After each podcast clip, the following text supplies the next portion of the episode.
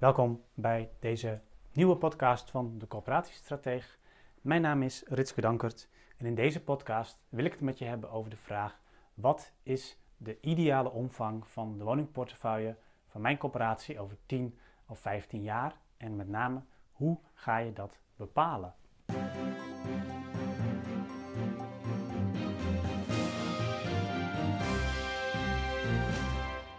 Volgens mij staan bij het bepalen van die vraag voor jouw coöperatie in ieder geval twee dingen centraal. Dat is de demografische ontwikkeling en de ontwikkeling van je marktaandeel als coöperatie. En om eerst even in te zoomen op die demografie. Bij de demografie kun je vanuit de recente prognoses gaan halen ja, wat de groei is van het aantal uh, personen, maar ook van het aantal huishoudens. Natuurlijk heel belangrijk om te kijken hoeveel woningen er nodig, nodig zijn. Um, op gemeenteniveau in jouw werkgebied. Als je vervolgens gaat inzoomen op die prognoses en wellicht ook met behulp van woningmarktonderzoek gaat kijken, dan kun je ook inschattingen maken van de omvang van de huurders in jouw werkgebied. Uh, in ieder geval het aantal huishoudens wat een voorkeur heeft voor de huur. Um, of als je nog verder gaat inzoomen, bijvoorbeeld op specifieke doelgroepen. Stel dat je een coöperatie bent die zich vooral wil richten op senioren dan kun je natuurlijk gaan kijken ja, hoe ontwikkelt zich die groep.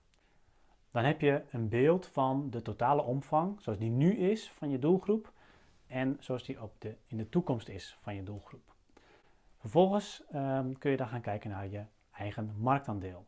Want in de praktijk zul je niet alle uh, leden van je doelgroep zul jij huisvesten. Misschien zijn er nog andere coöperaties. Uh, mensen wonen natuurlijk ook in koopwoningen.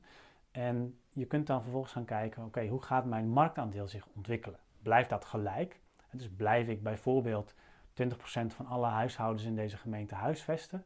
Of gaat dat misschien wel schuiven? Er zijn een aantal invloeden die ervoor zorgen dat je marktaandeel zich in een bepaalde richting zal gaan ontwikkelen.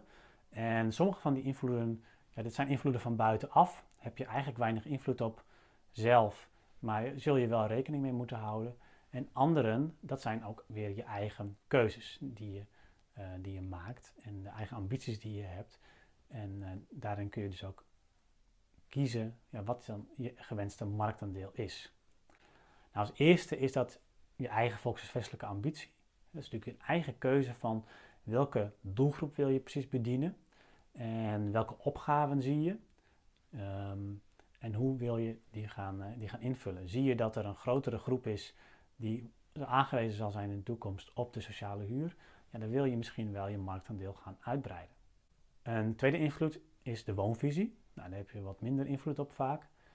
Stel dat bijvoorbeeld de gemeente een grote uitbreidingsbehoefte ziet in het totaal aantal huishoudens en daarmee ook het totaal aantal woningen, maar vervolgens zegt 90% daarvan moet in de koop gerealiseerd worden, ja, dan heb je dus maar beperkte speelruimte om als coöperatie door mee te doen aan die nieuwbouwontwikkeling je marktaandeel op peil te houden. Derde belangrijke factor is je financiële situatie. Als je geen geld hebt, kun je ook niet uh, uitbreiden. En um, als je dus wel ziet dat het aantal huishoudens bijvoorbeeld zou toenemen in jouw gebied, ja, dan, uh, dan kun je, als je te weinig geld ervoor hebt, kun je daar niet echt invulling aan geven. En dan zal je marktaandeel dus ook weer terug gaan lopen. En een vierde factor is nog de situatie van de collega-coöperaties. Wat doen die? Stel dat je met collega-coöperaties in hetzelfde werkgebied werkt, of misschien zijn er wel coöperaties die van buitenaf naar jouw werkgebied toe zouden willen gaan. Ja, wat is hun, uh, hun inbreng? Wat, uh, welke ambities hebben zij? Waar gaan ze zich op richten? En een gemeente zal misschien ook wel kijken van wat is de financiële situatie van die andere coöperaties. Een voorbeeld is bijvoorbeeld een middelgrote stad waar één coöperatie is die onder verscherpt toezicht staat, terwijl er een andere coöperatie is die best wel goed in de financiële ratio's zit. Dan is het logisch dat de gemeente ook juist naar die coöperatie gaat kijken om de opgave in de sociale huursector in te vullen. En is het logisch dat um, ja, als de coöperatie daarin meegaat, dat ook het marktaandeel van die coöperatie zal toenemen, terwijl het marktaandeel van de coöperatie die onder verscherpt toezicht staat, ja, waarschijnlijk zal gaan afnemen. Nou, dit zijn een paar invloeden op je marktaandeel. Nogmaals, voor een deel komt dat van buitenaf op je af. Zul je daar een analyse van kunnen maken en een inschatting van wat dat met je marktaandeel doet.